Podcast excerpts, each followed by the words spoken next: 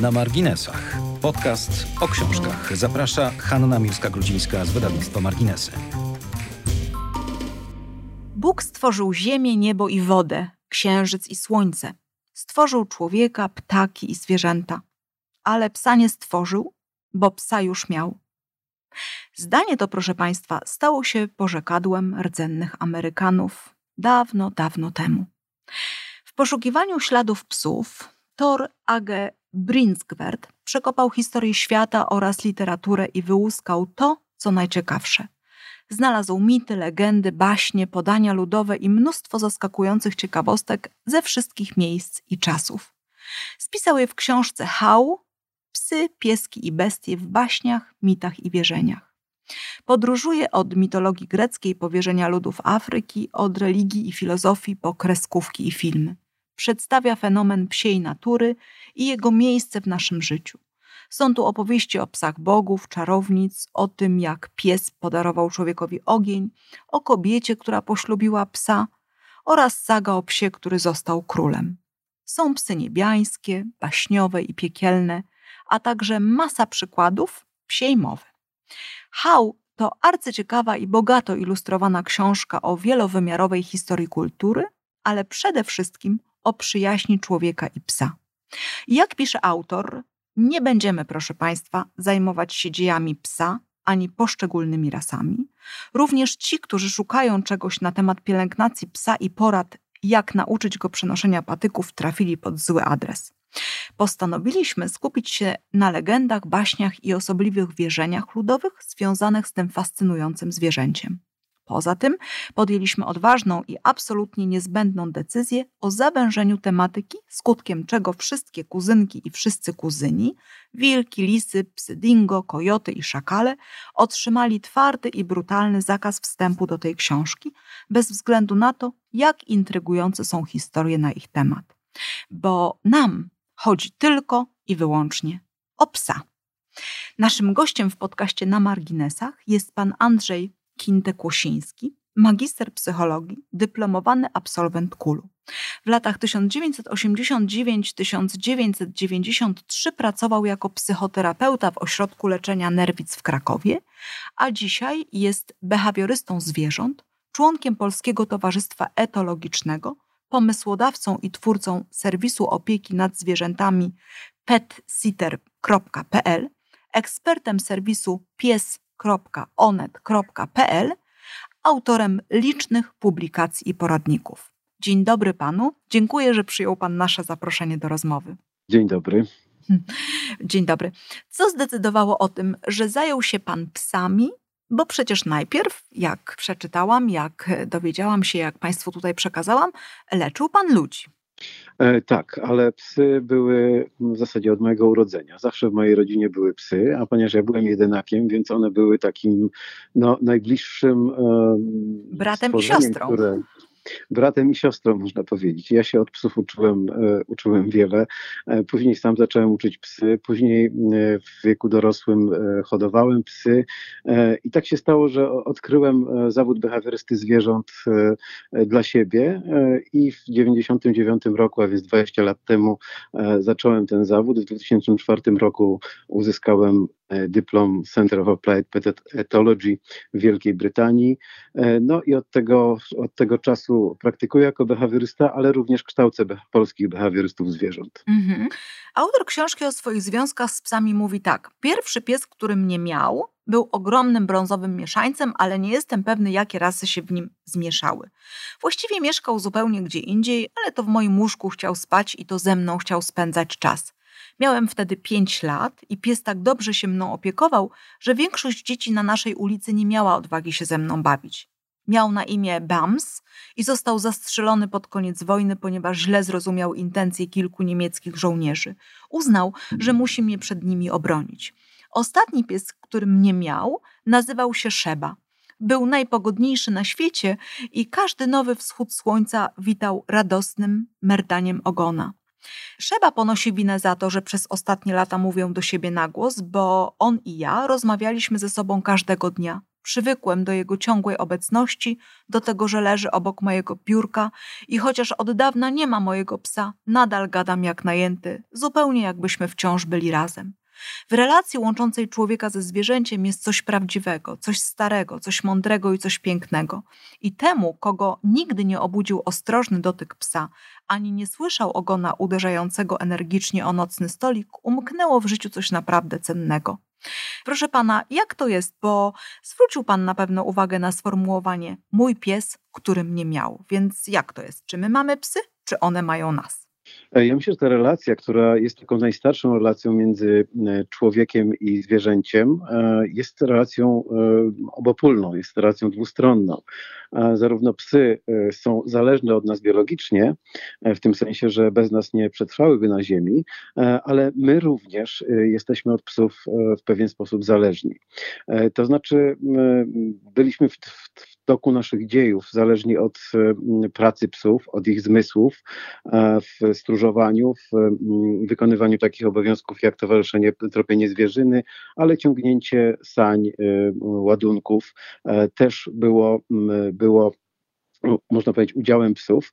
Natomiast dzisiaj myślę, że psy są takim e, psychologicznym narzędziem. E, ta więź człowieka z psem e, daje człowiekowi bardzo dużo. Daje taką wymianę i daje poczucie satysfakcji, radości i bliskości.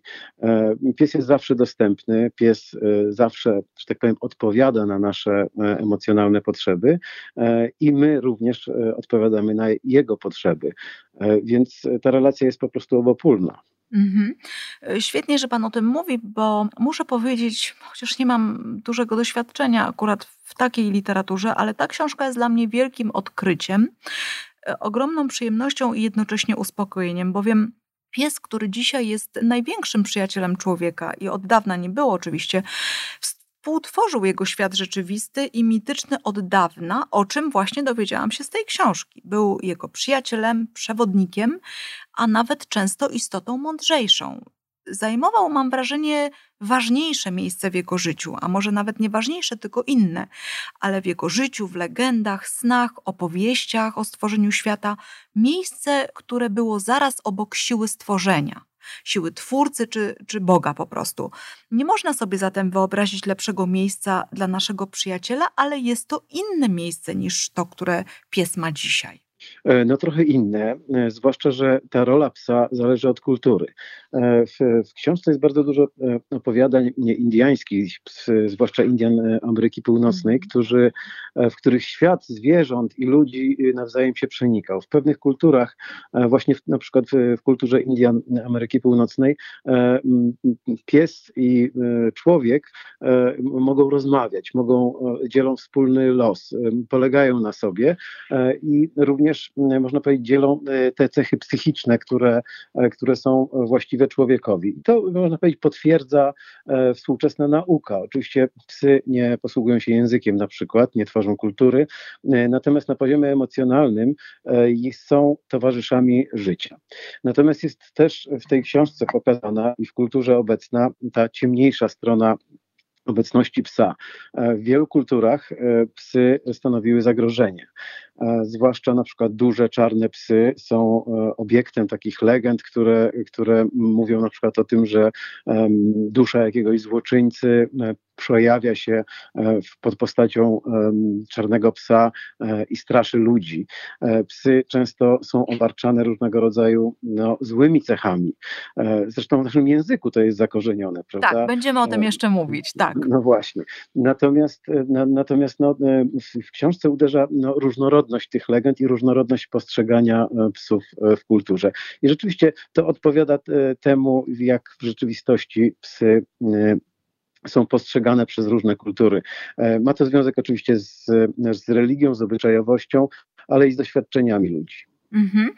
Jednak e, z lektury książki, która jest wspaniałą gawędą też przy tym wszystkim, przy tej wiedzy, którą niesie nie zawsze łatwej o człowieku, psie, a czasami nawet i kocie i innych zwierzętach, mimo tego, że autor się zastrzega, że jest to książka wyłącznie o psach, jednak ten pies jest zawsze w jakimś kontekście. Jasno jednak z tej książki wynika, że miejsce psa u boku człowieka diametralnie się zmieniło i jakby rzeczywiście jest tak, jak pan mówi, że pies w kulturach czy w narodach, które są bliżej natury, to, to miejsce psa wygląda inaczej a inaczej wśród może kultur, które mm, żyją bardziej stabilnie w domach, gdzie głównym narzędziem pracy jest przemysł, czy taką, czy handel. Tam już ten pies nie jest taki bardzo istotny. Jednak autor dowodzi, że pies był dla człowieka takim partnerem w życiu. Razem polowali, rozmawiali. To są oczywiście często przecież wierzenia. Człowiek radził się psa, bogowie korzystali z jego siły, sprytu, mądrości to miejsce psa przez wszystkie wieki, czasy, mity do dzisiaj zmieniło się, ale na gorzej moim zdaniem. Dlaczego w rzeczywistości naszej pies nie zajmuje już takiego miejsca? Nie, w ogóle nie myślimy o nim w taki sposób, jaki wskazuje nam autor książki. E, ja myślę, że, że to jest tak, że e, psy były, e, ewoluowały razem z człowiekiem i mhm. biologowie, ewolucjoniści mówią o tym, że mm, psy y, właśnie koewoluowały z człowiekiem, to znaczy, że wykształciły takie cechy psychiczne, e, które są, można powiedzieć, komplementarne e, i podobne do, do, do cech ludzkich. E, na przykład wiemy dzisiaj już, na podstawie współczesnych badań naukowych, że psy szczególnie zwracają uwagę na różnego rodzaju gesty, sygnały ze strony człowieka, koncentrują swoją aktywność wobec człowieka i co więcej, relacja z człowiekiem jest dla nich znacznie ważniejsza niż relacja z innymi przedstawicielami przedstawicielami swojego gatunku, e, co jest zupełnym ewenementem, bo nie ma takiego innego zwierzęcia, który, który woli być człowiekiem, woli e, ten, tą, tworzyć tą więź z człowiekiem, niż na przykład z innym psem. E, więc, więc to, jest, to jest w ten sposób, tak to się odbywało. Natomiast oczywiście różnego rodzaju religie, wierzenia, uwarunkowania historyczne sprawiły, że też pies jest postrzegany jako, jako zwierzę, można powiedzieć, nieczyste. Na przykład w kulturze, w kulturze islamu czy w naszej kulturze chrześcijańskiej. E, pies jest e, można powiedzieć, separowany od, e, od rzeczywistości ludzkiej, od, od człowieka i jest zwierzęciem, które, które, któremu nie pozwalamy raczej na to, żeby był blisko, blisko, blisko człowieka. Natomiast, e, jak mówiłem wcześniej, pies dzisiaj jest z nami blisko i myślę, że jest z nami e, bliżej niż kiedykolwiek, przynajmniej w tej kulturze no, naszej zachodniej. Pies został doceniony właśnie jako, e, jako taki partner i towarzysz życia człowieka, który daje człowiekowi oparcie psychiczne, więź emocjonalną, poczucie nawet bezpieczeństwa i poczucie no, takiego bycia potrzebnym. Mhm. Autor nawet pisze, używa takiego pięknego sformułowania, że pies bez wahania wybiera towarzystwo swoich człowieków, że niekoniecznie, tak jak pan powiedział, mm, przebywa z przedstawicielami tego samego gatunku i bezwarunkowo, bezwarunkowo kocha i w mitach, i w życiu, i w pożekadłach i zawsze wybiera towarzystwo człowieka. Czy to jest charakterystyczne tylko dla psa, czy są też gatunki, które w jakikolwiek sposób y, działają, żyją, czują jak psy? No to, to wynika z biologicznych uwarunkowań. Po prostu pies jest zwierzęciem całkowicie zależnym od, od człowieka. Mhm. Gdybyśmy e, zniknęli, ludzie, my jako ludzie, zniknęlibyśmy z planety Ziemi, 99% psów e, skazanych by było na śmierć, dlatego że one przestały polować. E, w tym sensie oczywiście psy polują, czasami głodne psy upolują sarny, ale czym innym jest taki epizod, a czym innym jest polowanie w celu utrzymania się, e, dostarczenia sobie odpowiedniej ilości pożywienia i odchowania potomstwa. Tego psy już e, nie potrafią. Od kilkunastu tysięcy lat psy nie potrafią. One się oddzieliły od wilków i wykształciły inne, e, inny rodzaj zachowań. I również ta więź emocjonalna, ona bazuje właśnie na tej biologicznej potrzebie. Psy muszą koncentrować swoją aktywność, swoją uwagę i swoje emocje wokół człowieka, no właśnie, żeby przeżyć, żeby dostać, żeby dostać jedzenie. Ale oczywiście, no, można powiedzieć, że to jest brzmi cynicznie. A propos cynicznie, to też jest słowo, które pochodzi od, od psa, od kynos. E, co w tej książce przeczytałem właśnie. Tak. E, natomiast e, nie, nie, nie mówiąc cynicznie, no psy wykształciły sobie właśnie takie cechy, cechy więzi z człowiekiem i jest to, jest to wyjątkowa więź. Oczywiście można powiedzieć, że szczury czy gołębie są również od nas zależne, bo, bo żyją od tysięcy lat, są zwierzętami udomowymi, udomowanymi, czy kury na przykład. Natomiast ta więź psychiczna, na którą myśmy, że tak powiem, odpowiedzieli, właśnie dlatego, że psy mają pewne, pewne cechy, pewne cechy emocji i zachowania, które są podobne do ludzkich tworzą bliskie więzi, opiekują się potomstwem, tworzą, kooperują i komunikują się między sobą, no i odpowiadają właśnie na, na ludzkie emocje. Mhm. Tropów, e, legend, mitów, zapisów, przekazów na to, skąd wziął się pies, jest niezliczona ilość. No, książka jest e, pod tym względem, właściwie składa się z tego. Inuici, Unisak, zamieszkujący okolice ciśniny, ciśniny Beringa wierzą, że na przykład renifery powstały z włosów kruka i jego żony, a psy z paznokci ich rąk. Takich legend, mitów jest mnóstwo. Czy pies stanowił część mitu powstania w jakiejś religii, czy części świata bardziej, a w innych mniej? I co wpłynęło według Pana na taką obecność psa w mitologii niektórych ludów, czy na sposób ich życia i pracy? Powiedzieliśmy już, że to też wynikało ze sposobu życia i kultury, ale czy tylko? E, ja myślę, że, że to, ta więź z psem, ta, te kultury, które, które doceniały więź z psem, e, one przede wszystkim e, polegały na psach w sensie ekonomicznym, to znaczy w sensie zapewnienia sobie pożywienia, w sensie nawet przetrwania. Na przykład na dalekiej północy w, czy w Ameryce Północnej, tam obecność psów była, można powiedzieć, konieczna po to, żeby po prostu przeżyć. Psy pomagały ciągnąć ładunki, ale też psy chroniły Mm, ludzi e, przed na przykład innymi dzikimi, dzikimi drapieżnikami. E, I to wiązało się z tym właśnie, że psy były doceniane i postrzegane jako, jako zwierzęta e, istotne i znaczące. Natomiast w kulturach, w których, w których psy odgrywały mniejszą rolę, to znaczy nie były jakby gospodarczo ważne dla, dla człowieka, psy miały zdecydowanie mniejsze znaczenie. Tam psy stróżowały i pilnowały na przykład stad bydła, czy, czy mm, owiec, czy kus, e, natomiast nie były konieczne zupełnie, zupełnie do przetrwania. Ale też są kultury, dla których psy są po prostu zwykłymi szkodnikami i e, to, trzeba sobie też powiedzieć tutaj, że e, z miliarda psów, które żyją na Ziemi, 80%, czyli około 800 miliardów, to milionów, przepraszam, to są psy, które, które żyją tak jak nasze gołębie, czy, czy szczury na przykład, prawda? One sobie żyją gdzieś tam tam w, w środowisku człowieka, natomiast nie są, nie są w jakiś sposób e, istotne. Oprócz tego, że czyszczą latryny, e, że zbierają resztki, e, tak jak jest na przykład w Afryce. Czy nie, w Indiach też w Indiach na przykład, nie pełnią, e, nie pełnią e, żadnej, żadnej istotnej funkcji. I tam to, to postrzeganie psów jest, e, jest, jest zupełnie, zupełnie inne. No psy też roznoszą choroby, roznoszą wściekliznę i w wielu miejscach na świecie po prostu psy się eliminuje, tak jak my eliminujemy, eliminujemy no właśnie szczury, czy jakiekolwiek inne szkodniki. Mhm.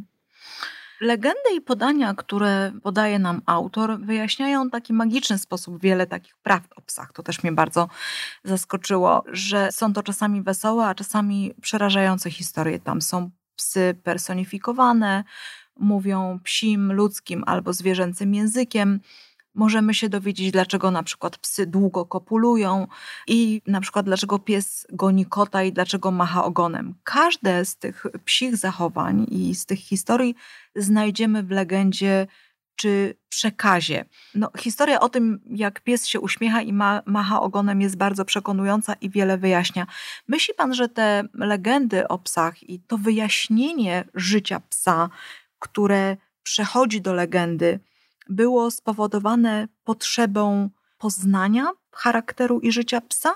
Dlaczego wszystko właściwie, co dotyczy psa, zostało przetworzone do, le do legendy? Po co? Nie wystarczyło, to, to, nie jest takie oczywiste, że każdego Boga, czy twórcę, czy stwórcę, czy przyjaciela Boga, czy pomniejszego Boga w taki sposób się omawia. Psy, mam wrażenie, tej książce to dobrze udokumentowano, zostały omówione ze wszystkich stron. Ja myślę, że to dlatego, że psy są wszechobecne. One mhm. są wszędzie tam, gdzie, e, gdzie jest człowiek, od e, równika po biegun e, północny. Psy są wszędzie. Ale to, to jest też nasza skłonność do, do wyjaśniania, interpretowania rzeczywistości. My próbujemy zrozumieć, co się dzieje. E, I trzeba sobie powiedzieć tak, że no, dzisiaj mamy pewien nau naukowy ogląd e, sytuacji. Wiele rzeczy rozumiemy, ale skoro wiele rzeczy rozumiemy, coraz mniej rzeczy czy mało rzeczy budzi w nas lęk. Wiem, że to trudno brzmi w, w czasach pandemii, ale e, tak naprawdę ludzie w, przez tysiące lat żyli w, w poczuciu takiej jakby bezradności i lęku przed siłami przyrody, których zupełnie nie rozumieli.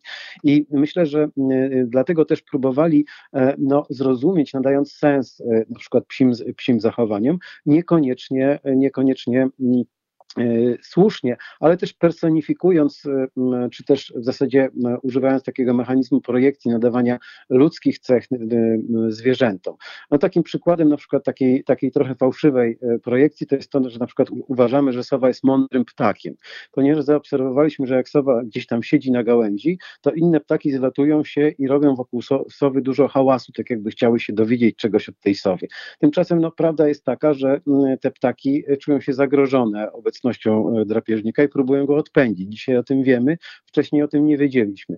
I w związku z tym wiele takich, takich różnych cech e, psów, które, które występują w legendach, e, nie ma wiele wspólnego z z rzeczywistością, natomiast jest, jest wyrazem takich no, pewnych kulturowych treści obecnych w danej społeczności. Mhm. Kiedy w lekturze dotarłam do rozdziału o powiedzonkach i epitetach, o czym i Pan wspomniał przed chwileczką, zdałam sobie sprawę, że rzeczywiście ten motyw i figura psa w naszym współczesnym życiu są od zawsze i wszędzie. Powiedzonka i epitety pieskie życie. Zimno jak w psiarni, wieszać psy, łgać jak pies, czy czy takie powiedzenie, że się czuje jak zbity pies, no po prostu tworzą nasz język, a my się nawet nie zastanawiamy skąd się wzięły. Używamy ich naturalnie. Gdzie te zwroty znowu mają swoje korzenie, swój początek? Czy tak jak mówi autor książki, znowu w mitach i legendach? Ale myślę, że w pewnej też obserwacji. No, mity i legendy powstały na, na, na podstawie obserwacji i interpretacji tego, co się dzieje. Jeśli widzimy psa, który jest gdzieś moknie, y, to y, jest biedny, y, no to, to, to siłą rzeczy nam się to kojarzy z jakąś złą pogodą i prawdopodobnie tego typu wyrażenia no właśnie powstały powstały e, no właśnie w ten sposób. Czy na przykład e, to, to o czym wspomniałem, e, wyraz cyniczny, który początkowo oznaczał, oznaczał właśnie taki niezależny, nie mający potrzeb, a później nabrał tego, tego współczesnego znaczenia, no prawdopodobnie też wziął się z tego, że, że często nie rozumiemy zachowania psów. I my też mamy na przykład w takiej kulturze, e, w kulturze wiejskiej powiedzenie, że nie wolno ufać psu, prawda? Że jest ktoś podły jak pies, e, fałszywy jak pies e, i nadajemy, nadajemy te, te, te cechy, ponieważ na przykład wykonujemy pewne gesty wobec, wobec psów, psa, które są odbierane przez niego z kolei jako, jako poczucie zagrożenia i pies może reagować na przykład złością. Natomiast nam, my mamy inne intencje zupełnie i nam się wydaje, że pies jest fałszywy, że kąsa rękę, którego karmi. I to, e, no, to są takie, można powiedzieć, też nieporozumienia kulturowe, e, które, które istnieją które w, w tej książce też mm, e, autor opisuje w postaci no właśnie legend, podań, baśni, opowieści o, o psach. Tak, opisuje też, co chciałam, o czym z Panem dosłownie słowo chciałam zamienić, jest podrozdziałik mały o psach bohaterach filmowych, fabularnych, animowanych, kreskówkach, o psich gwiazdach filmu i telewizji. Czyli mamy tam pieska Toto z Czarnoksiężnika Krainy Os, mamy, mamy pieska Alessi, cudownego owczarka szkockiego długowłosego, którą jak się okazało grało 10 psów i choć bohaterka była suczką, to grały te role psy. Mamy Marleya z komedii Marley i ja, tam z kolei 22 psy zagrały tę rolę, no bo czas akcji obejmował chyba 14 lat, jak e, pisze autor.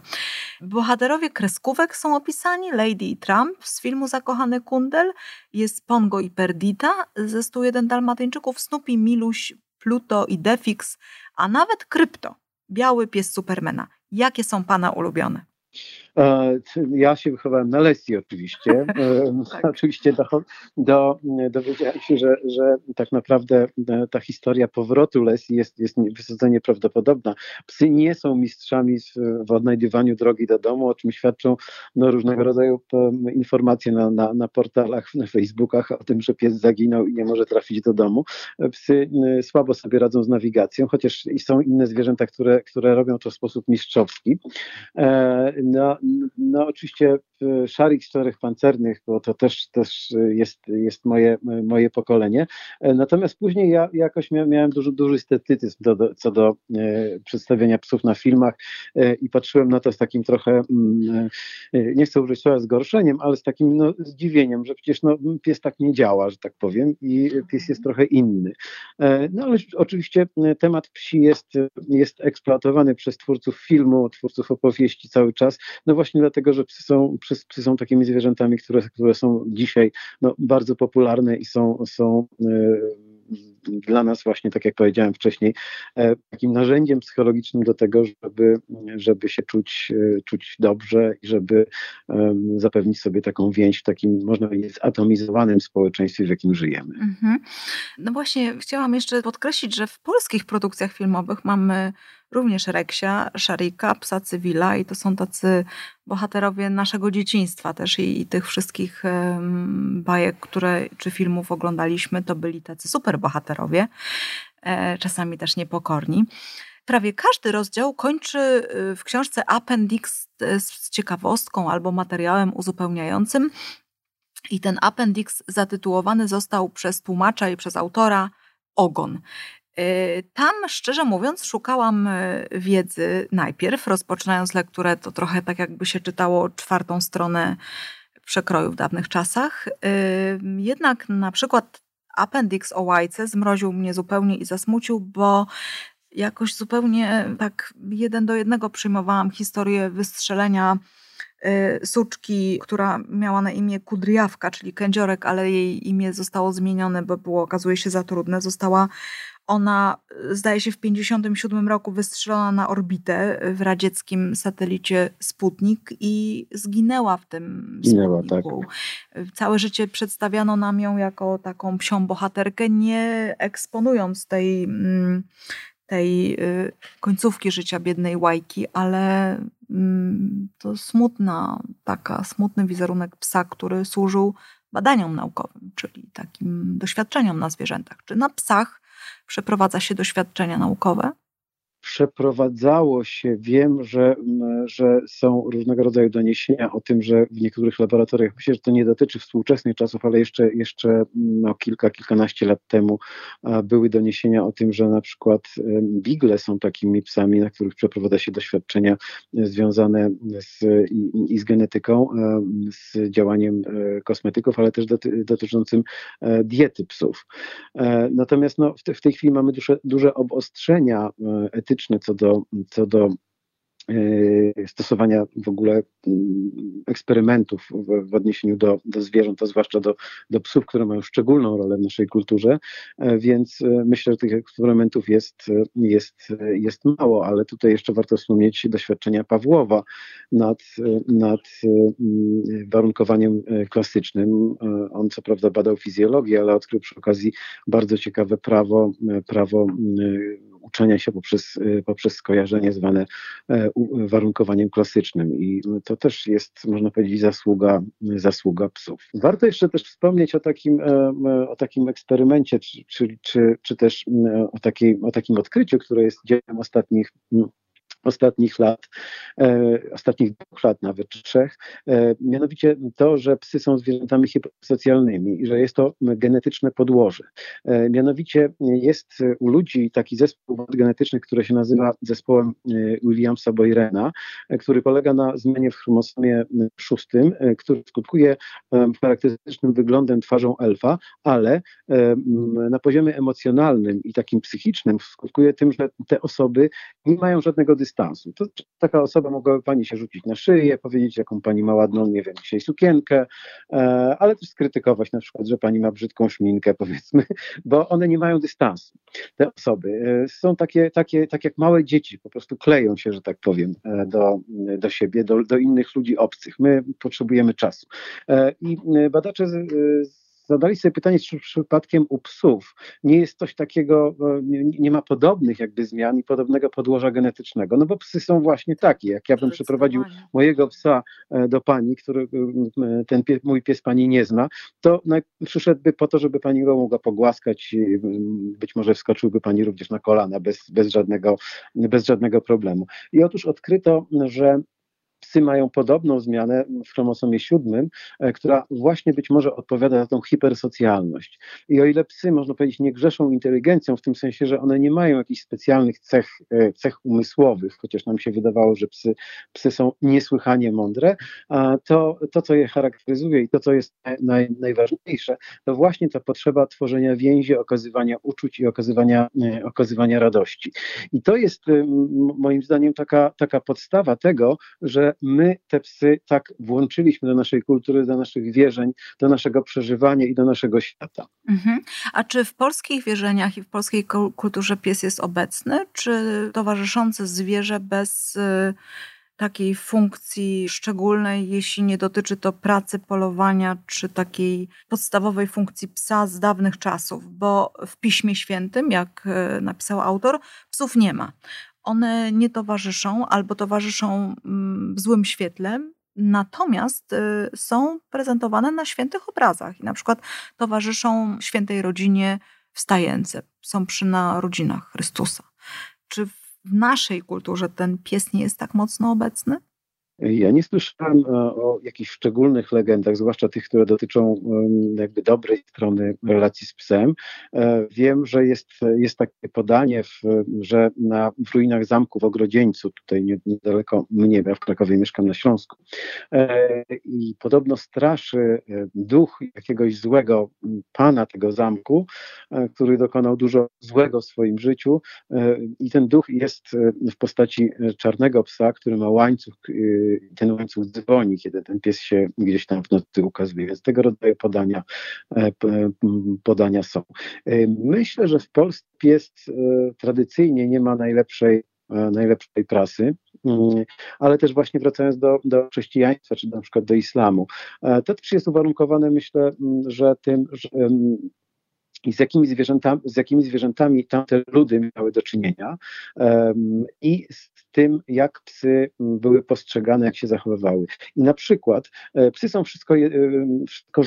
One e, żywią się padliną na przykład, w przeciwieństwie do kotów. A w, w tamtym rejonie, w rejonie Bliskiego Wschodu, no, teren jest skalisty i piaszczysty. W związku z tym groby były kopane dosyć płytko i ciała były przykrywane, przykrywane kamieniami. I zdarzało się, że psy mogły się dokopać do, do, mhm. do zwłok i jeść te zwłoki no i były postrzegane właśnie przez religię z, te, z, z, z tego basenu Morza Śródziemnego, w zasadzie z Bliskiego Wschodu, e, te trzy główne religie, judaizm, chrześcijaństwo i islam, no jako zwierzęta właśnie, właśnie nieczyste. Natomiast myślę, że, że kultury, które miały do czynienia ze zwierzętami na przykład człowiekokształtnymi, z małpami, e, mają większą taką e, tradycyjnie łatwość Y, przenikania e, świata zwierzęcego i y, szukania podobieństw między światem zwierzęcym y, i ludzkim. Chociaż z drugiej strony, tak jak powiedziałem na początku, e, Indianie Ameryki Północnej e, włączają chętnie wszystkie zwierzęta do, do, do swoich zwierząt, nadając im ludzkie cechy. Te zwierzęta prowadzą dialogi, uosabiają cechy, wchodzą w relacje z ludźmi. Ludzie przyjmują różne ich dobre moce i złe moce również, więc, więc to, jest, to jest różnie ale ja nie słyszałem o jakichś polskich dobrych, dobrych legendach. W książce akurat autor też nie, nie, nie wspomina, pisze o rumuńskich na przykład mm. legendach, natomiast, natomiast nie, nie sięga być może, być może ich po prostu nie ma. E, bo, bo tutaj są rzeczywiście, rzeczywiście legendy na prawie z całego świata, więc e, gdyby były jakieś polskie ciekawe legendy, myślę, że, że autor, autor by do nich sięgnął. Mhm. Brakuje też takich literackich psów, prawda? O których bohaterów literackich myślę, że sporo byśmy tutaj znaleźli, ale być może autor kiedyś uzupełni badanie albo napisze nową książkę.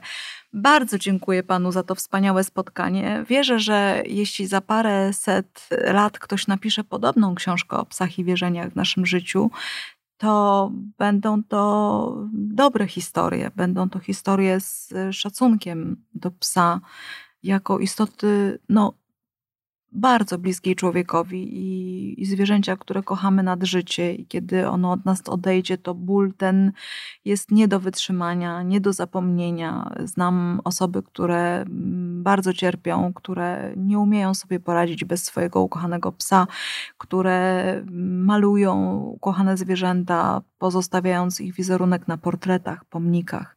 No, co by nie mówić, pies jest y, dla nas ważny dzisiaj. Może jeszcze nie dla wszystkich, ale pracujemy nad tym, by to się zmieniło. Proszę Państwa, o wspaniałej książce Tora Ageblingswerda Hau, Psy, pieski i bestie w baśniach, mitach, wierzeniach rozmawiałam z panem Andrzejem Kinte-Kłosińskim, behawiorystą zwierzęcym. Bardzo panu dziękuję za to spotkanie. Bardzo dziękuję, a ja sobie pomyślałem, że być może pan Bringswert napisze książkę o kotach, e, o legendach kocich, bo to jest fascynujący również temat i czekamy na tą książkę, mam nadzieję. Czy pan wtedy też ze mną na ten temat porozmawia? Oczywiście, że tak. Dobrze. Jestem również kociarzem. Dobrze. Serdecznie dziękuję. Wszystkiego dobrego dla pana. Dziękuję. Rozmawiałam przez telefon dzisiaj w Warszawie. Pozdrawiam państwa, proszę słuchać naszych podcastów. Do widzenia. To był podcast na marginesach. Dziękujemy za wysłuchanie. Znajdziecie nas na Spotify, Google Podcasts, Apple Podcasts i na stronie www.marginesy.pl.